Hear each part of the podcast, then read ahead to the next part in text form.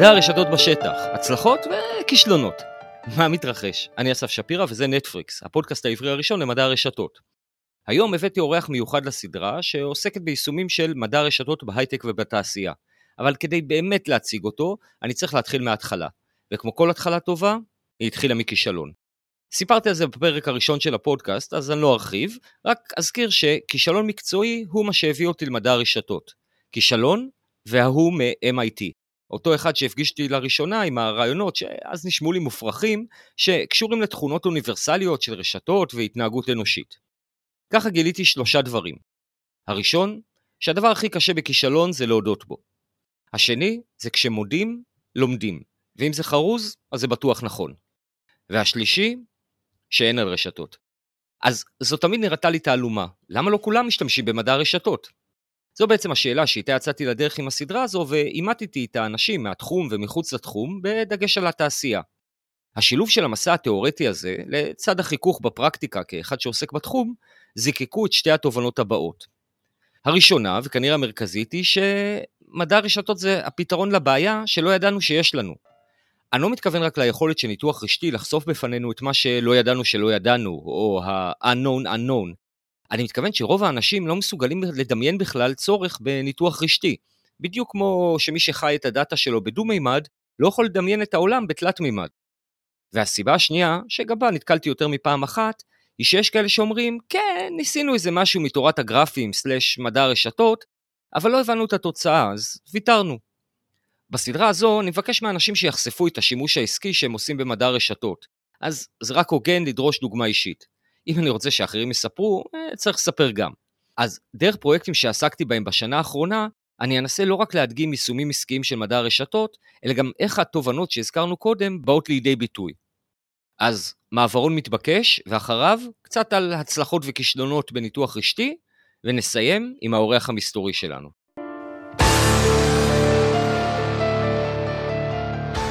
אז אני אתחיל במה שנראה לי דוגמה קלאסית לצורך שלנו להבין שהבעיה שלנו היא בעצם רשתית, וזה עלה לי במספר פרויקטים שעשיתי בתחום המודיעין העסקי. במודיעין עסקי אנחנו אוספים מידע, ומידע מגיע לא פעם בצורה של רשימות, לפעמים קצרות, לפעמים ארוכות, מפורטות יותר או פחות, אבל רשימות. רשימה זה הנמסיס של הרשת. רשימה זה אוסף שרירותי ואפור של מידע.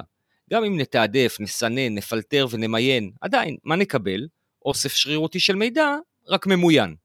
איפה ההקשר? איפה התמונה הרחבה? החוכמה פה היא כמובן להפוך את אותן רשימות לרשתות, וככה להבין טוב יותר את המודיעין שהתקבל. למה הכוונה? במובן הכי פשוט, מבט רשתי על המידע שאספנו, כשהנקודות או המידע מחובר בקשרים, מאפשר לנו לראות איזה קצה חוט מוביל לאן, אבל זה הבנאלי. היתרון האמיתי הוא שמבט על או מבט רחב על אותן רשתות, לשעבר רשימות, מאפשר לראות איך המידע שלנו בנוי, מה ומי מרכזי בו, ולעזור גם לקבוע סדרי עדיפויות, או במילים אחרות, מאיפה בכלל להתחיל ולהביא קצות חוט. הבניה של מידע כרשת היה גם אחד מהאתגרים של סטארט-אפ שעבדתי איתו בתחום האבחון הרפואי. במקרה הזה, במקום להסתכל על סימפטומים כרשימת מכולת, הגענו לתובנה שמבט רשתי מאפשר לראות איזה סימפטומים למשל מצביעים על איזה קבוצה של מחלות. חלוקה של סימפטומים לקהילות למשל, יכולה להראות לנו איזה סימפטומים מגשרים בין קהילות ואולי דורשים בדיקות מקיפות יותר. לפעמים הרשת כבר כמעט בנויה לנו, כמו למשל פרויקט שעשיתי עם סטארט-אפ שעסק בתחום הסייבר. מה שהם ניסו לענות עליו זה על אחד מהפערים המשמעותיים בתחום הזה, והוא לדעת מה בין הסיכונים בסייבר לבין ה business. הכל חשוב והכל מאוים, אבל מה החשוב ומה הכי חשוב? על מה להגן יותר ומה נמצא בסכנה ממה? במקרה הזה, כדי להבין ארגון או רשתות IT של ארגון, אני נשען כאן על חוק קונווי, הקרוי על שם מלווין קונווי, שעוד ב-1967 ניסח את האמירה הבאה: כשארגון מאפיין מערכת, היא תשקף את מערכת התקשורת הארגונית שלו כפי שהיא נראית באותו הזמן. ככה, ניתוח של רשת ה-IT מאפשר בכלל להבין את הביזנס עצמו, איך הוא בנוי, מה הוא באמת עושה ואיך הוא באמת עושה את זה. ואני די בטוח שהרוב יהיו מופתעים, לפחות מחלק מהתובנות שהרשת שלהם תראה על עצמם. ההפתעה שלי הייתה ברשת הראשונה שניתחנו. פתחנו את הרשת וכמעט לא הצלחתי למצוא תובנות.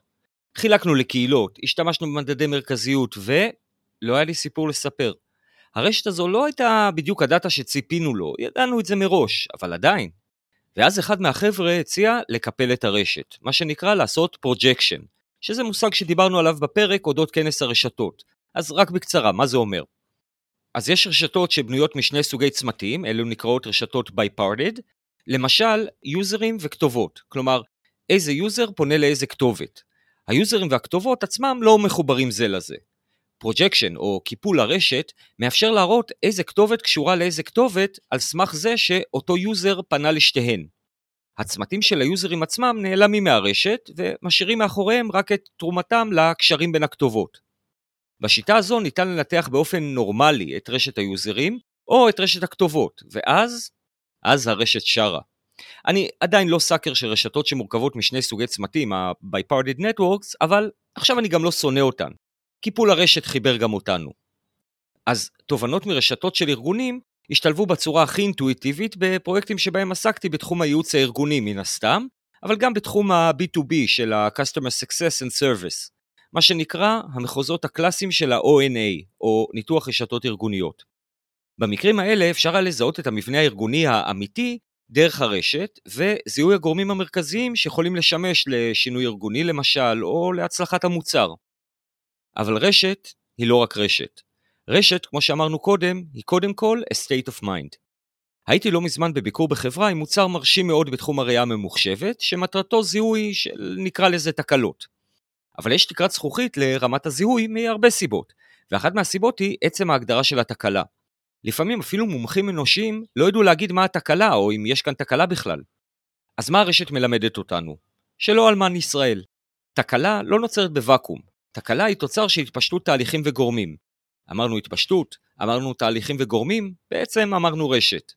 מבט רשתי ורחב על המערכת שאנחנו סוקרים, אולי לא יוכל להגיד לנו שבנקודה הספציפית הזו יש בוודאות תקלה, אבל כן יוכל להגיד לנו שבמרחב מסוים יש הצטברות של חשדות, ובמקרה הזה, מכיוון שמדובר בסוג של תקלות שמתפשטות, אפשר ממש לתת התראות על אזורים נגועים. אפרופו הצלחות וכישלונות, בביקור ההוא בחברה הייתי נוכח בישיבה פנימית שעסקה בכישלון עסקי שהיה להם. השיחה הייתה פתוחה לגמרי, כשכל היתרונות והחסרונות מונחים על השולחן. לא רק כי מובילי השיחה היו מנהלים ויועצים טובים, אלא כי כולם הבינו שצריך להשתפר. המדד היה פשוט, כישלון משמעותו פחות כסף. חלק מהאנשים בפורום היו קולגות טובים שלי שהכרתי ממסגרת קודמת שכסף לא היה בראש מעייניה. וזה היה מדהים לראות איך השיח נראה אחרת לגמרי, אפקטיבי, כנה ובונה, כשמשהו חיצוני כמו צורך כלכלי בוחן אותך. אז אפרופו סוגיות של הצלחה, אה, בהקשר הזה, ברבשי, חוקר הרשתות המפורסם, הוציא ב-2018 ספר, שאני מודה, הכותרת שלו נשמעת טיפה לשרלטנית, בשם הנוסחה, החוקים האוניברסליים להצלחה. ושם הוא מתאר איך הבנה שמדע הרשתות מאפשרת להבין הצלחה. אני מקווה שבפרק עתידי ניגע קצת בנושא, אם כי ממקום צנוע יותר. ואפרופו צניעות וכישלונות, אז אני חייב לדבר על הכישלון הכי גדול שלי בעת האחרונה, שלדעתי הוא בתחום הקורונה. במסגרת עבודה עם גופים ממשלתיים וגרורותיהם, ניסיתי ללא הצלחה להתחיל תהליך של ניתוח רשתי לחקור שרשרות הדבקה, וזה לא צלח. מאמצי השכנוע שלי נתקלו בחומה של ההתמכרות לעבודה הטורית, שהיא אחת מההתמכרויות הקשות של הארגונים. וככל שהארגון גדול יותר, כך ההתמכרות קשה יותר, ולצער כולנו, כך גם המשמעויות. אני לא הצלחתי להטמיע את המסר. והנה עוד סיבה לסדרה הזאת של מדע רשתות בתעשייה. סוג של להעביר את זה הלאה, מה שנקרא pass it forward. הפודקאסט, בעברית ובאנגלית, אה, הרצאות שאני מעביר על הנושא, ולאחרונה גם השתתפות בקמפיין לעדכון ערכי הוויקיפדיה בתחום מדע הרשתות, זו הדרך הכי טובה שיכולתי לחשוב עליה, להראות את היישומיות הגבוהה של התחום לארגונים ואנשים, וככה לנסות לשכנע. אז אני לא יודע אם הייתה פה הצלחה, אבל העיסוק בזה אותי מאוד מספק. אז בשורה התחתונה, מה אני מנסה להגיד? שניתוח רשתי היה פותר את הכל? שניתוח רשתי הוא תרופת פלא? מה, אני ברבשי? אז תרופות פלא מזכיר לי את הסיפור הבא. אי שם בילדותי הסתובב אצלנו תקליט, תרתי משמע, שנקרא You Don't Have to be Jewish, שהיה אוסף מערכונים יהודים אמריקאים משנות ה-60. אחד מהמערכונים התחיל בלוויה, כשבאמצע ההספד צועקת איזה סבתא מאחורה Give him some chicken soup! Give him some chicken soup! מנהל הטקס הסתובב לכיוונה של הגברת הקשישה ואמר בהגמומיות, Madam, it wouldn't help. אז היא ענתה, It wouldn't hurt! אז שווה לנסות. למה? כי רשת היא מידול של המציאות, זה עובדה. האם היא המידול הכי טוב של המציאות? לא יודע, אבל עד היום אני לפחות לא מצאתי משהו טוב יותר. ומודה, כשאנחנו פותחים את הרשת ומנסים להבין אותה, לא תמיד נצליח, זה קרה גם לי. לרוב זה יקרה כי אנחנו חדשים בתחום. וכמו שאי אפשר להתחיל ריצה במרתון, כך גם ניתוח רשתי דורש תרגול ואימון של שרירי האנליזה שלנו. לפעמים אנחנו לא משתמשים באלגוריתמיקה הנכונה, או משתמשים בה, אבל לא יודעים להסביר אותה כמו שצריך. בנקודה האחרונה הזאת גם ניגע בסוף הפרק. אבל לפעמים גם עם ניסיון, לא, לא נצליח להבין מה קורה. וכאן אני חוזר לרשת כמודל של המציאות. המשמעות של זה יכולה להיות שמשהו בהבנה שלנו של המציאות לא טוב. לא פעם זה כי אולי חסר לנו data משמעותי, ולכן הייצוג של המציאות הוא קצת חלקי ודל ומקשה על הניתוח שלנו, ואולי אנחנו פשוט לא מבינים את המציאות טוב כמו שנדמה לנו. יש הפתעות בחיים. דוגמה לזה אפשר לראות בתרגיל שהעברתי עם איילת ספרסטיין בקורס של Big Data Nights, שעסק בתורת הגרפים ומדע הרשתות. הדאטה סט שהבאנו הוא רשת גדולה של דפים בפייסבוק, של איזה דף מצטט איזה דף, שהיה מורכב בעיקר מדפי ממשל, נגיד דפי גוב מכל העולם, דפים של חברות גדולות ועוד. הרשת המקורית שניתחנו כללה כמה עשרות אלפי דפים. והחלק המפתיע היה שאחד מהגורמים המרכזיים ביותר באותה רשת היה הדף של שגרירות ישראל בגואטמלה. What the F? לא התעצלנו, בדקנו. אז הדאטה היה מ-2017, ובאותו זמן גואטמלה העבירה את השגרירות שלה לירושלים, והשגריר זכה בזמנו לשבחים מהממשלה בישראל על פעילותו הרבה בנושא. אז כמו שאמרתי, אין על רשתות.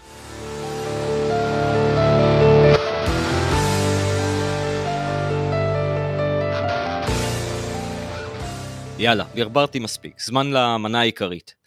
אז עם האורח הבא שלנו נדבר על, ברור, מדע הרשתות, על איך הוא עשה בתחום הזה שימוש בפרויקטים השונים שהוא עבד עליהם. אחד מהסיפורים המעניינים ביותר לדעתי זה הפרויקט שהוא עבד עליו עם חברת אי-טורו, כשהייתה בתחילת דרכה. אי-טורו היא חברה שמאפשרת סחר חברתי במניות, וכיום השווי שלה מוערך בכ-10 מיליארד דולר. על מה ולמה, נדבר על זה בריאיון, אבל גם ננצל את הזמן לדבר קצת על Machine Learning, יתרונות וחסרונות, וגם על תחום שנושק למדע הרשתות, שנקרא פיזיקה חברתית, או Social Physics, שעוסק במציאת חוקים אוניברסליים פיזיקליים בהתנהגות האנושית, הזכרנו אותו קצת בפרק מוקדם יותר. אז uh, לעסק, לכבוד הוא לי לארח את המרואיין הבא, דוקטור יניב אלטשולר, a.k.a. אלטשולר, a.k.a. ההוא מ-MIT. Uh, גילוי נאות, הוא זה שהכיר לי את עולם הרשתות, וזה היה רק עניין של זמן עד שאני אמצא תירוץ לארח אותו בפודקאסט. אז כיום אלטשולר הוא מנכ"ל הסטארט-אפ אנדור, שעוסק בחיזוי התנהגות צרכנית. אז uh, אלטשולר, מה, מה מתרחש? מה מתרחש, שפירא? וואלה, הכל, הכל טוב. תגיד, זה נכון שהיית ב-MIT, או שזה סתם uh, כינוי? אכן, אכן. הייתי גם ב-MIT, הייתי שלוש שנים פוסט-דוקטורט ב-MIT. אני עדיין חוקר ב-MIT, uh, ממשיך uh, לפרסם, ולמעשה בדיוק uh, עובד בימים אלה על השלמת ספרי החדש, שנקרא Applied Swarm Intelligence. הספר עוסק בשימושים ל-Swarm Intelligence, לאינטליגנציית נחילים, בעצם בינה מלאכותית מבוזרת, ושימושיה בעולם האמיתי, החל מ-Smart Transportation, עבור ביישומים בתחום הסייבר, ועד um, חיזוי uh, התנהגויות uh, משקיעים וניתוח uh, הבלוקצ'יין. דחפת את הפלאגין מוקדם, אבל יפה, מדהים, אז רוצו לקנות. כאשר יושלם. בלי לחץ. הרעיון שלשמו התכנסנו הוא בעצם לספר על השימוש שאנשים עושים ברשתות, בעבודה, בתעשייה, והסיפור שלך של איך אתה משתמש במדע רשתות, ב-social network analysis, בעצם קשור לאיך שהגעת לעולם הזה, אם אני מבין נכון. כן, נכון, בהחלט. הדוקטורט שלי הוא עסק ב-swarm intelligence, כמה מפתיע, בטכניון. ובעצם אה, אני עסקתי בעיקר במחקר נחילי אה, מזל"טים, נחילי רחפנים, תחום שבזמנו היה די cutting edge שלא לומר אה, על סף ה science fiction, והיום הפך להיות מין יישום על סף ה commodity שאנחנו רואים ככה על כל צעד ושעל חברות ואף גופים צבאיים שעושים בו שימוש. הוזמנתי אה, להצטרף ל-MIT, לקבוצה של אה, פרופסור אה, אלכס פנטלנד, וזה היה בשנת 2010. הגעתי ל-MIT ופגשתי שם חבר טוב שלי מימי השירות המשותף שלנו ב-8200, דוקטור נדב אהרוני. והוא עושה שם משהו מאוד מעניין, זה נקרא פרויקט Friends and Family. הוא חילק פלאפונים, סמארטפונים, בזמנו הם לא היו כל כך smart כמו היום, אבל עדיין, לסטודנטים ובני משפחותיהם, ואסף עליהם metadata. כשהגעתי לשם אז אמרנו לעצמנו, רגע, יש לנו כאן metadata על קהילה מגוונת של אנשים מכל העולם, גם סטודנטים וגם לא, ונזכרנו באמת בתקופתנו ב-8200, ואמרנו בוא נראה אם אפשר להפיק מודיעין מה metadata הזה. עכשיו יש פה כמה אתגרים לא טריוויאליים בכלל, הקהילה הייתה די קטנה, בערך 120 חברים אם אני זוכר נכון, ומאוד מגוונת. כל מי שעוסק ב machine learning יודע שאם יש לי קהילה מאוד הטרוגנית וקטנה, שאני מנסה ליצור בה פיצ'רים ולנסות לפענח אותה כדי לייצר פרדיקציות או קלסיפיקציה של תכונות של החברים שלה, זה דבר מאוד מאוד מאתגר. בעצם מה שאנחנו גילינו זה שהמפתח לבצע את המשימה הזאת היה מעבר משימוש במין פיצ'רים סטנדרטיים כאלה של Machine Learning מסורתי להישענות מאוד מסיבית על Network Theory.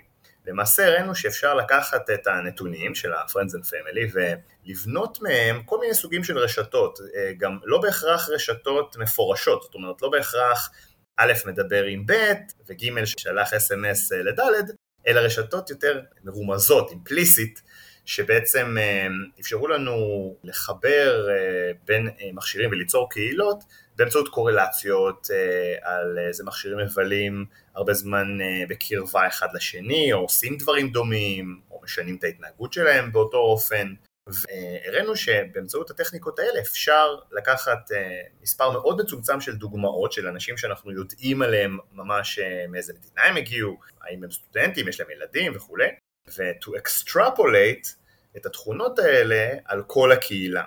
ובאמת זו הייתה הפעם הראשונה שאני עסקתי בתחום הזה, והתוצר של העבודה הזאת נקרא Stealing Reality, ובזמנו פרסמנו את זה ב-2010, והמאמר עורר הדים מאוד רבים, בעצם אנחנו הראינו שתוך זמן מאוד מועט שהרשת נמצאת בכיסוי וגם רשתות מאוד קטנות ודינמיות, ניתן להפיק מודיעין מאוד מדויק. המשכתי אחר כך לקחת את אותן טכניקות עם המעבדה של ברבשי, בעצם הייתה לי גישה לדאטה של הסלולר שהיה לו שם, בזמנו הוא היה אחד החוקרים הבודדים בעולם שהיה להם large scale מובייל מטה דאטה של כמה שנים לרשותו והשתמשתי באותן שיטות חדשות עבור ניתוח הדאטה של ברבשי והתוצר כנראה הכי מעניין של העבודה הזאת היה מאמר שנקרא The Social Amplifier. במאמר הזה הראינו שאפשר להשתמש ברשת הרשתות הסוציאליות האימפליסטית האלה שאנחנו בונים, להשתמש בו כמגבר, amplifier, שבאמצעותו אנחנו יכולים למצוא אנומליות, למצוא הקשרים, לחזות אירועים שקורים, לאתר קבוצות קטנות של אנשים שעכשיו קורה להם משהו. אתה יכול להרחיב טיפה על מה שעשית ברבשי לב, וקצת לדבר על אלכס פנטלנד בהקשר של social physics, כי הרי מה שעשיתי שם זה לא היה רק רשתות, זה היה גם social physics, נכון? נכון. כמו שאמרתי מקודם, ב-MIT אני עבדתי בקבוצה של פרופסור אלכס פנטלנד. בואו נקרא לו סנדי, זה הכינוי שלו, סנדי, סנדי פנטלנד, וכשהוא הביא אותי, אז הוא אמר לי, החזון שלי הוא שאנחנו נמציא טכניקה חדשה להתמודדות עם data ממקורות אנושיים. והוא אמר לי, תראה, Machine Learning עכשיו חוזר לאופנה, כשאני עשיתי את התואר שלי במדעי המחשב, אז זה היה ככה בתחילת שנות האלפיים, ואנשים שהתעניינו ב-Machine Learning were frowned upon, זה היה כאילו כמעט כמו שאתה מתעניין באסטרולוגיה. חשפת גיל? בהחלט. ובתקופה ההיא אז באמת Machine Learning ככה חזר לכותרות ו-Deep Learning, וסנדי אמר לי, תשמע, כולם מתלהבים מזה עכשיו, וההייפ באמת בחלקו מוצדק, אבל Machine Learning לא, לא באמת עובד. אז אמרתי לו, תשמע, מה זה חילול הקודש, ככה נחנקתי בגרון. אמרתי לו, זה... הוא אמר, כן, תשמע, זה עובד, אבל זה גם לא עובד. זה עובד כשאתה רוצה לעשות זיהוי פנים, כשאתה רוצה לעשות זיהוי כתב יד, אתה רוצה לנתח דיבור, דברים כאלה, מעולה. שם אנחנו מאוד קרובים לקומודיטי יותר ממה שרוב האנשים מבינים. אבל אם אתה רוצה לקחת דאטה של התנהגות אנושית ולהבין איזה אנשים דומים לאיזה ומי הולך אה, לעשות מה ודברים כאלה, שם אתה לא יכול להשתמש ב machine learning. והסיבה היא שהתנהגות אנושית היא שילוב של שני דברים, היא גם מורכבת וגם דינמית. בעיות פשוטות ודינמיות, אה, כמו למשל טילים שעפים, אה, מצייתים לחוקים מאוד פשוטים של אה, קינמטיקה וחוקים פיזיקליים די פשוטים, חוקים כאלה, אבל במסלולים מאוד מסובכים, קל לנו לפתור, כן, ראה ערך כיפות ברזל למיניהם וכאלה. מהצד השני, בעיות שהן מאוד מורכבות אבל סטטיות, אנחנו גם יודעים לפתור. זיהוי, כתב יד, עיבוד שפה טבעית, עיבוד תמונה, בעיות מאוד מורכבות. אבל היום בהינתן קורפוס מספיק גדול ו-GPUs מספיק חזקים, אה, תריץ לך את ה-your favorite אה, Deep Learning ותקבל אה, רשת שעובדת באופן מעורר השתאות. מה אנחנו לא יודעים לפתור? דברים שהם גם דינמיים וגם מורכבים. ופה נכנס ה-vicious cycle, נובע מהעובדה שבמודלים של Machine Learning אתה צריך דאטה שהוא אקספוננציאלי בכמות הפיצ'רים או בדרגות החופש שיש למודל שלך. ובעצם אם אתה מנסה לפתור בעיה מורכבת, אתה חייב לייצג אותה עם הרבה מאוד דרגות חופש, עם מודל שמכיל בתוכו הרבה אינפורמציה, אחרת אתה לא תצליח לייצג אותה בצורה מדויקת. דווקא שמודל כזה כדי להתכנס צריך הרבה מאוד דאטה, מה שאתה אה, לא יכול אה, לבצע אם הבעיה משתנה לך מתחת לידיים כל הזמן. זאת אומרת, התנהגות אנושית שבדיוק מתאפיינת בשני האלמנטים האלה, מאוד קשה לפתור אותה עד כדי בלתי אפשרי באופן אוטומטי לפתור אותה בכלים מסורתיים של Machine Learning. ולכן אנחנו באמת רואים data scientists שיושבים גם במודיעין, גם בבנקים, גם ב-you name it, ומכינים כל מיני killer features שתפורים לדאטה הספציפי שהם עובדים עליו ולבעיות הספציפיות שהם עוסקים בהן. אין לך מין מכונות אוטומטיות שתדחוף איזה דאטה שאתה רוצה ותקבל פה משהו שעובד עבור איזה בעיה שאתה רוצה, A to Z, כמו שיש לך עם Deep Learning ובעיבוד תמונה למשל. אז אה, נחזור לסנדי, החזון שלו היה שאנחנו נמצא איזושהי דרך שתאפשר לעשות את זה, תאפשר לעשות A to Z אוטומטי לדאטה אנושי. מאוד שאפתני, אה, אבל אתה יודע, בלי מטרות שאפתניות, אה, משעמם בחיים. ושלוש שנים של, של מחקר הולידו את תורת ה-social physics. בעצם מה שאנחנו גילינו הוא שבדאטה אנושי יש מין אינווריאנטות שהן אה, קיומן מובטח בכל דאטה כזה וניתן להישען עליהן כ-prior אגנוסטי לדאטה, בעצם עוד ביטים של מידע שאני יודע שכל דאטה ממקורות אנושיים חייב אה, להכיל ואני יכול להשתמש בהם כדי לבנות מין פילטר כזה, פילטר שאפשר להזרים דרכו דאטה ממקורות אנושיים, דאטה אה, שיש לו את אלמנט הזמן והפילטר הזה יתפוס לי טרנדים, יתפוס לי הקשרים התנהגותיים בצורה אוטומטית לחלוטין, זה בעצם ה-novelty. השיטה הזאת נשענת, אה, או חייבת את, את קיומה לעבודות של ברבאשי ואחרים, שבאמת הראו את, ה, את האינווריאנטות האלה ואת קיומם במבנים סטטיים. כמובן, הדוגמה הכי אה, מוכרת, קיומו של הפאוורלו בהתפלגות דרגות ברשתות חברתיות. אז אנחנו יודעים שפאוורלו בהתפלגות דרגות קורה לא רק ברשתות חברתיות, אלא בעצם כמעט בכל רשת שנסתכל עליה, ואנחנו יודעים שהוא קורה לא רק בהתפלגות דרגות, אלא גם באלמנטים אחרים מעניינים, מבניים של רשתות, ובעצם הפוסט-דוקטורט שלי לקחתי את האקסיומות האלה, ובניתי מהם מבנה אנליטי שהכליל אותם על ציר הזמן. בעצם הראיתי שאני יכול, אה, גם אה, בהינתן שאני מניח את קיומם של ה-power law-ים אה, המבניים הסטטיים, אני יכול לבנות מזה אינווריאנטות מסוגים אחרים שקיומן גם כן מוכח לנו על ציר הזמן. ובעצם זה ה-social physics ככה בקליפת אגוז. אגוז די גדול, אגוז קוקוס כזה, אבל עדיין. עכשיו, אה, אז כמו שאמרתי, השימוש בטכניקות האלה הוא, הוא מאפשר פריצות דרך באוטומטיזציה של ניתוח דאטה. אז אנחנו ביצענו עבודות ראשונות עבור אה, משרד הביטחון האמריקאי, אה, ספציפית עבור דארפא. דארפא זה ה-Defense Advanced Research Project Agency, זה המפא"ת האמריקאי, או יותר נכון להגיד בצניעות שהמפא"ת זה הדארפא הישראלי. אה, דארפא בגלגולה הקודם הייתה ארפא, בעצם מי שקצת מכיר את היסטוריית האינטרנט, אז האינטרנט קראו לה בהתחלה דארפנט ולפני זה ארפנט, והיא נולדה כהניסיון האמריקאי להתמודד עם uh, תקיפות גרעיניות uh, סובייטיות, בעצם הם חיפשו ארכיטקטורת רשת שתשרוד מתקפה גרעינית, ועלו על ארכיטקטורת מש ובנו uh, את האינטרנט שיש לנו היום. אז דארפא זה הסוכנות האמריקאית שמחפשת פריצות דרך, תשתיות חדשות וכולי. למשל, חלק מהעבודות שעשינו איתם זה שימוש בטכניקות האלה של social physics כדי לחזות הפגנות והתפרעויות. התקופה הייתה בדיוק תקופת הפרוץ האביב הערבי ומאוד עניין אותם לדעת איפה הולכות להיות התפרעויות והפגנות באיזה עיר והפרויקט הזה נקרא Open Source Indicators איך אפשר להשתמש בדאטה לא מסווג, בדאטה אזרחי כדי לחזות אה, שינויים בקנה מידה גדול בהתנהגות אה, אזרחים, ספציפית באמת אה, התפרעויות והפגנות. והראינו שניתן לעשות שימוש באינווריאנטות הדינמיות הטמפורליות שלנו, של ה-social physics, וכאשר הן מופרות, בעצם זאת אינדיקציה מאוד חזקה לזה שהולך להגיע, הולכת להגיע התפרעות או הפגנה, אפשר גם לסווג אותה. כשאתה אומר אבל שאתם רואים שינוי ב... האינווריאנטות הדינמיות, שאמרת שהן אה, פועלות לפי חוקים מסוימים, אז החוקים הרי לא השתנו. אז למה הכוונה כשאתה אומר שזיהיתם בהם שינוי? גם ה-power law בהתפלגויות הדרגות, בסנפשוט הסטרקטורלי של רשת מסוימת, גם הוא לפעמים משתנה. אני אוסר עליך להשתמש יותר במילים אה, אינווריאנטים וסטרקטורליים. כן, לא, שחור לבן. בדיוק. אה, גם כשאתה לוקח רשת חברתית ובודק כיצד מתפלגת הדרגה של האנשים בה.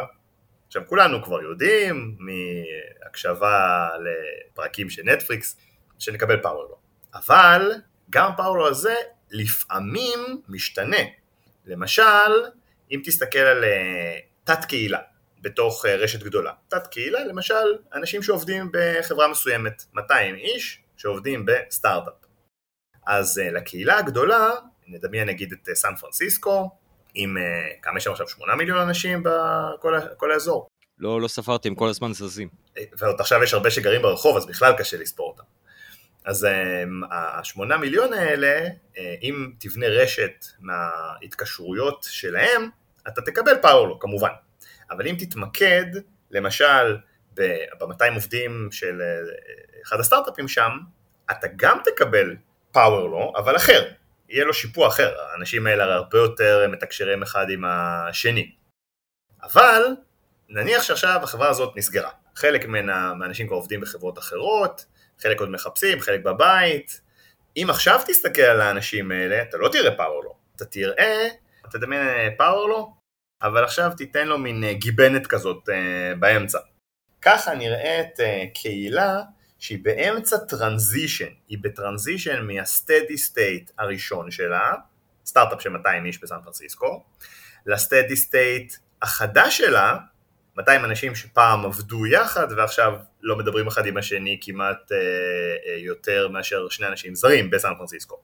אז המעבר הזה הוא לא נראה כמו power law, זה לא power law שפתאום משנה לאט לאט את השיפוע שלו מהסטדי סט הראשון לשני, לא, זה מעבר שלוקח תקופה קצרה של זמן, שבמהלכו הקהילה הזאת דווקא לא נראית כמו האינווריאנטה, פעם אחרונה שאני משתמש בהקשר הזה, של הקהילה הגדולה. לזה אני קורא תתי מבנים שבעצם מפרים את החוק הכללי. הבנתי, כי בעצם מה שקורה זה שכשהם היו חברה, הם עבדו כקהילה. כשאני אומר קהילה, אני מתכוון במובן הרשתי של Community Detection, ראית אותם כקהילה. אחרי זה המשכת לעקוב אחרי ה-label שלהם כאנשים שהיו בחברה, אבל עכשיו הם לאו דווקא מתפקדים כקהילה, אבל אתה עדיין מתייחס אליהם תחת הכותרת ה-label כאיזושהי קבוצה. אני בכוונה משתמש במילה קבוצה ולא קהילה, כי הם כבר לאו דווקא קשורים רשתית אחד לשני, הם לאו דווקא איזשהו צביר של צמתים אה, מקושר בינו לבין עצמו. הם עדיין group, עדיין יש להם את אותו לייבל של היינו בחברה ההיא, אבל הם כבר לא מתפקדים כקהילה, ועדיין כשאתה עוקב אחרי המדדים שלהם, נגיד לצורך העניין אה, מדד הדרגה, אז אתה באמת לא תקבל את ה-power law, כי הם בעצם חברים בקהילות אחרות ברשת. כן, תיאור יפה, אבל אה, רק אה, תחדד את המשפט האחרון, אתה לא תקבל את ה-power law, לא כי הם כבר לא קהילה, אלא כי הם כבר לא קהילה, אבל פעם היו קהילה. אז אתה רואה עדיין traces של השינוי.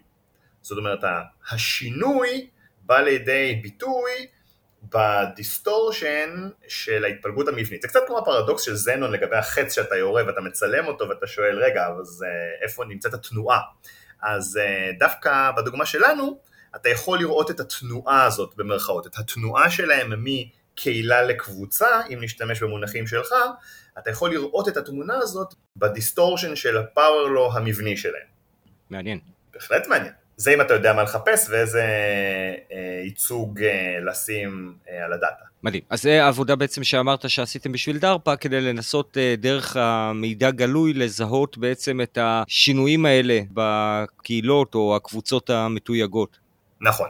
אה, אני חושב שהעבודה אה, כנראה הכי מעניינת היא עבודה עם חברת איטורו. חברת איטורו הנפיקה לאחרונה, נדמה לי בשווי של 12 מיליארד דולר, ואנחנו התחלנו לעבוד איתם בשנת 2011, אה, בתקופה ההיא הייתה חברה מאוד אה, קטנה, אז מה זה איטורו למי שלא מכיר?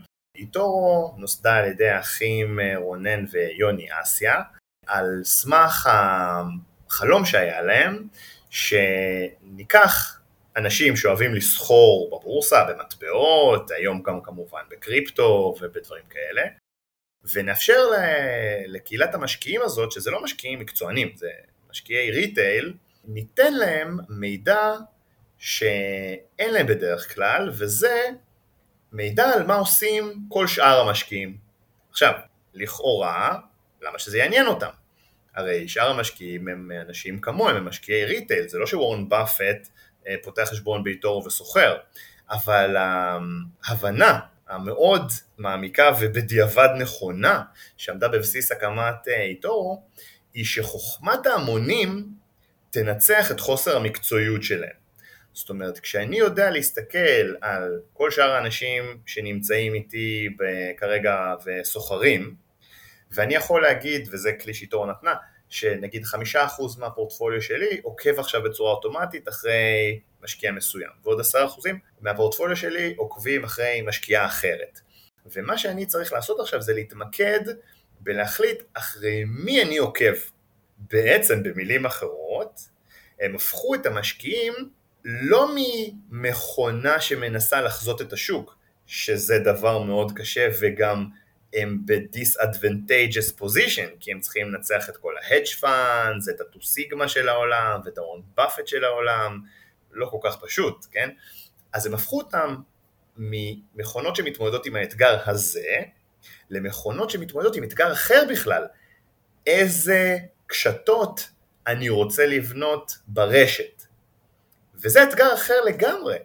זה אתגר שהוורן באפטים והקוואנט הדג' פאנס של העולם לא משחקים בו בכלל, וזה אתגר שלאנשים דווקא יש יתרון גדול בו. אנשים שכל הזמן מסתכלים על אנשים אחרים, מבינים מי אה, משקיע בצורה קונסיסטנטית טובה, אולי עושים קצת אקספרימנטציה, לוקחים קצת סיכונים וכולי, בעצם אנחנו מקבלים רשת, מה שקורה מוח, רשת שהיא מבצעת קבלת החלטות גלובלית כזאת. זאת אומרת, כל בן אדם מבצע את ההחלטות הלוקאליות שלו כדי להגדיל, להשיא את התשואה הפיננסית שהוא מקבל, כן, אין שם אלטרואיסטים, כל אחד רוצה לעשות כסף וממש לא אכפת לו מאחרים, אבל הדינמיקה הזאת יוצרת מבנה רשתי שבזמנו, כשאנחנו התחלנו לעבוד איתם, החלום היה אה, מבנה רשתי שבסופו של דבר מקבל החלטות יותר חכמות. זה היה החלום.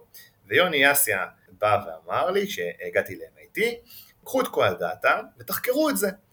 אם יצא שאנחנו מדברים שטויות, בסדר, אבל יכול להיות שהרעיון הזה שלנו, החלום שלנו הוא באמת נכון, ואז תחקרו ותספרו את זה לעולם.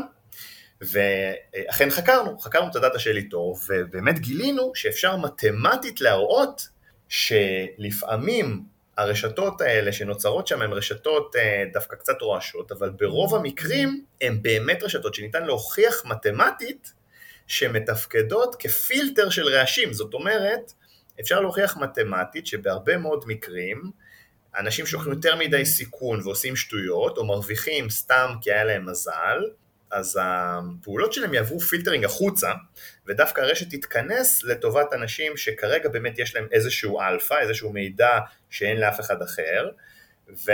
וזה מאוד מעניין, כי גם אתה יכול מראש לדעת, בהסתכלות על רשת, האם הרשת נמצאת עכשיו במצב שבו היא באמת כלי טוב לקבלת החלטות, או שלא. ואתה יכול לעשות עוד משהו מאוד מעניין, אתה יכול גם לעשות incentives, לתת incentives, וזה בעצם, אני חושב, כנראה אחד מהמחקרים הכי מעניינים שביצענו, זה היה ב-2012, ויש ניסוי שעשינו יחד עם איתורו, איתורו תרמה מיליון דולר, ונתנו המלצות מסחר לאנשים, לא המלצות מסחר אמיתיות, זאת אומרת לא כדאי לך לקנות את המניה הזאת ולמכור אה, זהב, אלא לך כדאי לעקוב אחרי הבן אדם הזה, לך כדאי לעקוב אחרי הבן אדם הזה. וביצענו את הניסוי כמו ניסוי קליני בתרופה. חילקנו את המשקיעים שם לשלוש קבוצות, אלפי אלפי אלפי משקיעים שקיבלו מאיתנו את, ה, את הקופונים האלה. שליש קיבלו המלצות אקראיות. זאת אומרת, כדאי לך להעתיק את זה, ונבחר אקראית. שליש זה הפלסבו, כן? שליש קיבלו את ה alternative treatment. מה, מה אתה היית מנחש שכדאי לעשות ב eToro? לעקוב אחרי מי שכל הזמן אה, בירוק, מה שנקרא. יפה מאוד. נכון, אז השליש השני קיבל אה, טיפים לעקוב אחרי המאה סוחרים שעשו ריטרנס הכי טובים בחודש הקודם. נכון, זה מה שהיינו עושים, אה, אני חושב, אה, כולנו, או כמעט כולנו. אה, והשליש האחרון קיבל המלצות שבעצם היו אוריינטד לשינוי מבנה הרשת. זאת אומרת, אמרנו להם, אתם תעקבו אחרי זה, כי ניסינו לייצר האבים כדי לעקוף נתיבים בעייתיים, אה, או כדי לחזק שם את הזרימה של מידע באזורים מסוימים ברשת. זאת אומרת, כמה אלפי אנשים שקיבלו המלצות מסחר שהם נטו הגיעו משיקולים רשתיים, לחלוטין לא קשורים למי האנשים שבפועל צריך לעקוב אליהם, אלא רק למה זה יגרום מבחינת זרימת המידע ברשת. אז מה שעשיתם זה חילקתם לשלוש קבוצות, קבוצת פלסבו שקיבלה רנדומלי, קבוצה שקיבלו את האלה שכאילו הלך להם הכי טוב בחודש האחרון, וקבוצה שלישית שהשיקולים לבחירת האנשים שעליהם ממליצים זה כדי לייצר אה, גישורים וקישורים חדשים ברשת שיחברו קצוות שונים של הרשת, זה הכוונה? כן, השם שנתנו לזה זה Network Tuning. בעצם לעשות tuning של הרשת. מרתק. כן, אז אף אחד לא ידע מי נמצא באיזה קבוצה, והקופונים אה, נשלחו להם לדרכם, וחיכינו שבוע, ואחרי שבוע מדדנו את הביצועים של כל אלפי המשקיעים האלה. אה, והתוצאות היו באמת מרתקות. הקבוצה שקיבלה את הפלסבו, באמת לא היה לה שום שינוי. אה, הקבוצה שקיבלה את ה alternative treatment, לעקוב אחרי ה-best trader של החודש העבר, אה, שיפרה את הביצועים שלה בצורה מובהקת אה, סטטיסטית. אבל הקבוצה השלישית שקיבלה את ההמלצות שהם אה, ניתנו להם משיקולים רשתיים, שיפרה את הביצועים שלה יותר מכפול מאשר הקבוצה השנייה. מטורף. זאת אומרת, הם קיבלו המלצות להעתיק אנשים שחלקם היו לחלוטין סוחרים גרועים שלא ידעו מה הם עושים וכולי, אבל מבחינה רשתית, האימפקט הרשתי היה משמעותית יותר חזק מה, מהאימפקט הישיר של את מי כדאי לך להעתיק. ובאמת התוצאות האלה היו מאוד מפתיעות, הם התפרסמו בעמוד הראשי של uh, האתר של MIT, הם התפרסמו ב Financial Times, יש לנו case study uh, שלם שמוקדש לזה ב Harvard Business Review, זה נקרא Beyond the Echo Chamber, איך אפשר למדל קהילות פיננסיות אה, בכלים האלה ולמנוע היווצרות של, אה, של echo chambers ואזורים מבודדים וכולי.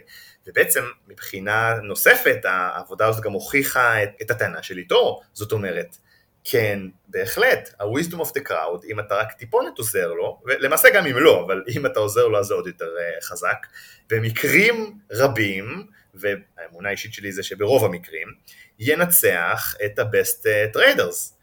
וזה בעצם, זה, זה מרתק. קח retail investor, שסבתא שסוחרת להנאתה בצהריים, וכל החבר'ה האלה שמקבלים עכשיו את ה stimulus checks בארצות הברית, תן להם בסך הכל להסתכל מה האחרים עושים ולקבל החלטות מאוד פשוטות של אחרי מי הם עוקבים.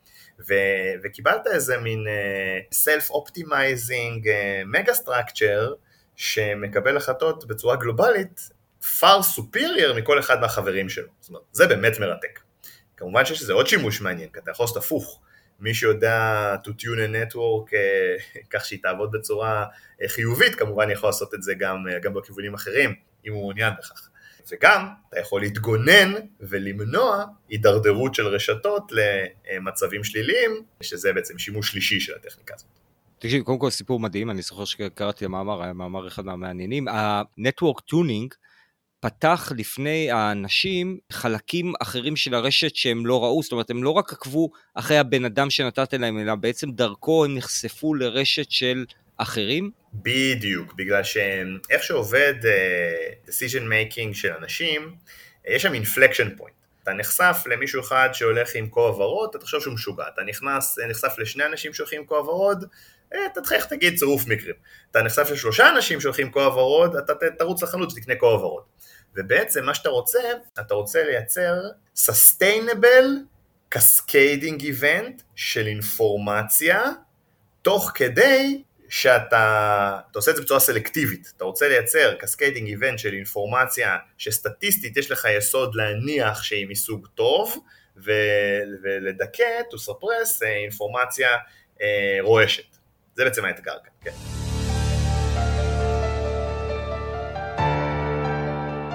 אלטשולר הוא איש שיחה מרתק, אבל אי אפשר להכניס את הכל.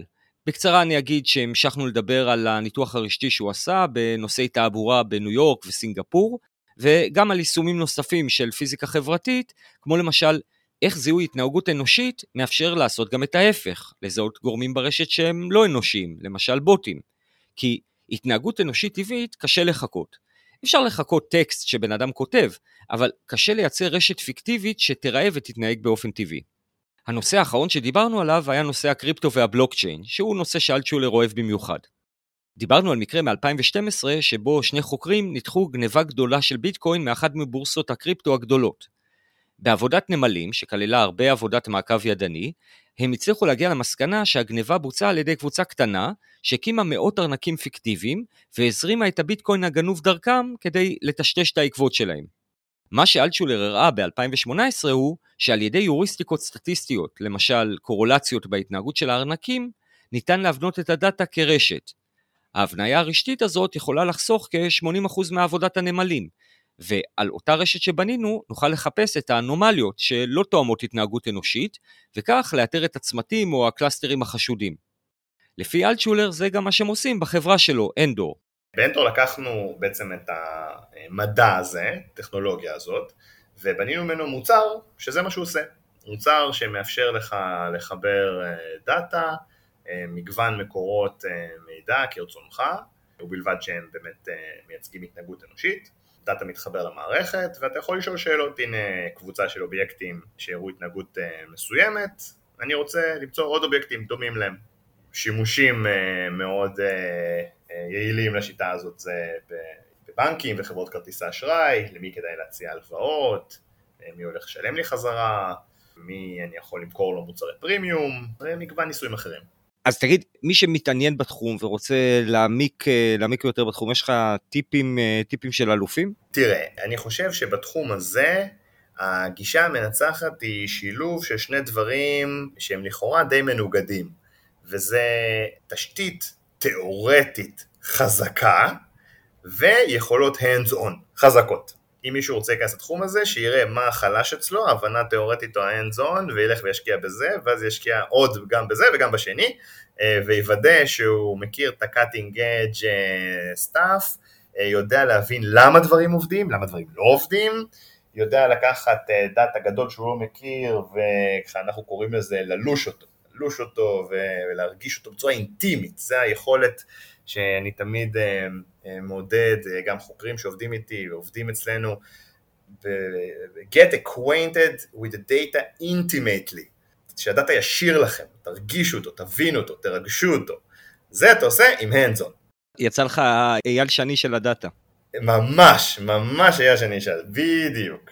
אז להסתכל רק עם תיאוריה או רק עם hands-on זה באמת כמו לנסות אה, להבין את העולם רק עם עין אחת ולחטוף אה, כל מיני דברים במצח כי התלת מימד שלך לא עובד כשאתה מסתכל רק עם עין אחת. טוב, ועם אה, שתי העיניים שלנו אנחנו נסיים נראה לי. כל עוד אנחנו מחזיקים בכלל חושנו. בדיוק. אלצ'ולר, תודה רבה, ש... תודה רבה שהצטרפת, אני חיכיתי להזדמנות הזאת הרבה זמן. בשמחה, בשמחה, always a pleasure. מדהים, תודה רבה. בשמחה, בכיף. נהניתם ורוצים לשתף, סבלתם ולא רוצים לסבול לבד, שתפו ו/או כתבו review באתר הפודקאסטים של ישראל ו/או כתבו review ב Apple Podcast. עקבו אחרינו בטוויטר לכל מה שקשור במדע הרשתות, או כנסו לאתר הפודקאסט בפייסבוק. תודה ללהקת קומפייל על המוזיקה. נתראה בפרק הבא של נטפריקס. בסינגפור כמעט כל כביש שם יש בו אה, כל אה, מרחק מסוים סנסור ששולח את כל הנתונים שלו, זה IoT שבתקופה ההיא, 2012, בהחלט הקדים את אה, זמנו. בגלל זה אסור לירוק, לירוק שם מסטיקים על המדרכות, עכשיו הכל מתחבר לי, נכון? כי זה חוסם את הסנסורים. הלחץ של המסטיק שפוגע במדרכה משדר את ה... נכון, זה כאילו הדבר הראשון שלמדתי על סינגפור, שהם מצליפים במי שיורק מסטיק ברחוב או משהו כזה. בדיוק, בדיוק. יש מצב. זה אגדה אורבנית או שזה נכון? אה, אני אה, שאלתי את עצמי את אותה שאלה, אבל אה, משחק, זריז של Game Theory עם עצמי, הגעתי למסקנה שהבנפיט של לגלות את זה לא שווה את ה... אז העדפתי להמשיך להפיץ את זה. בבלוקצ'יין אתה יכול להגיד שכנראה... כלומר, כן, סליחה, סליחה, סליחה, אני... שנייה, יש פה, יש שם רעשים. שותה מים, כן. לא, לא, זה, זה ממש לגיטימי ואני אפילו מעודד שתיית מים, שלא לא, לא תיתן. אז uh, באמת, לא רוצה to steal our own thunder, שהוא יפורסם, תעשה לי כזה revisit את האיש הזה. אוקיי, אה, נראה כמה הורדות יהיו לפרק הזה, ולפי זה נקבע. לפי זה נקבע, בסדר גמור. אדיר.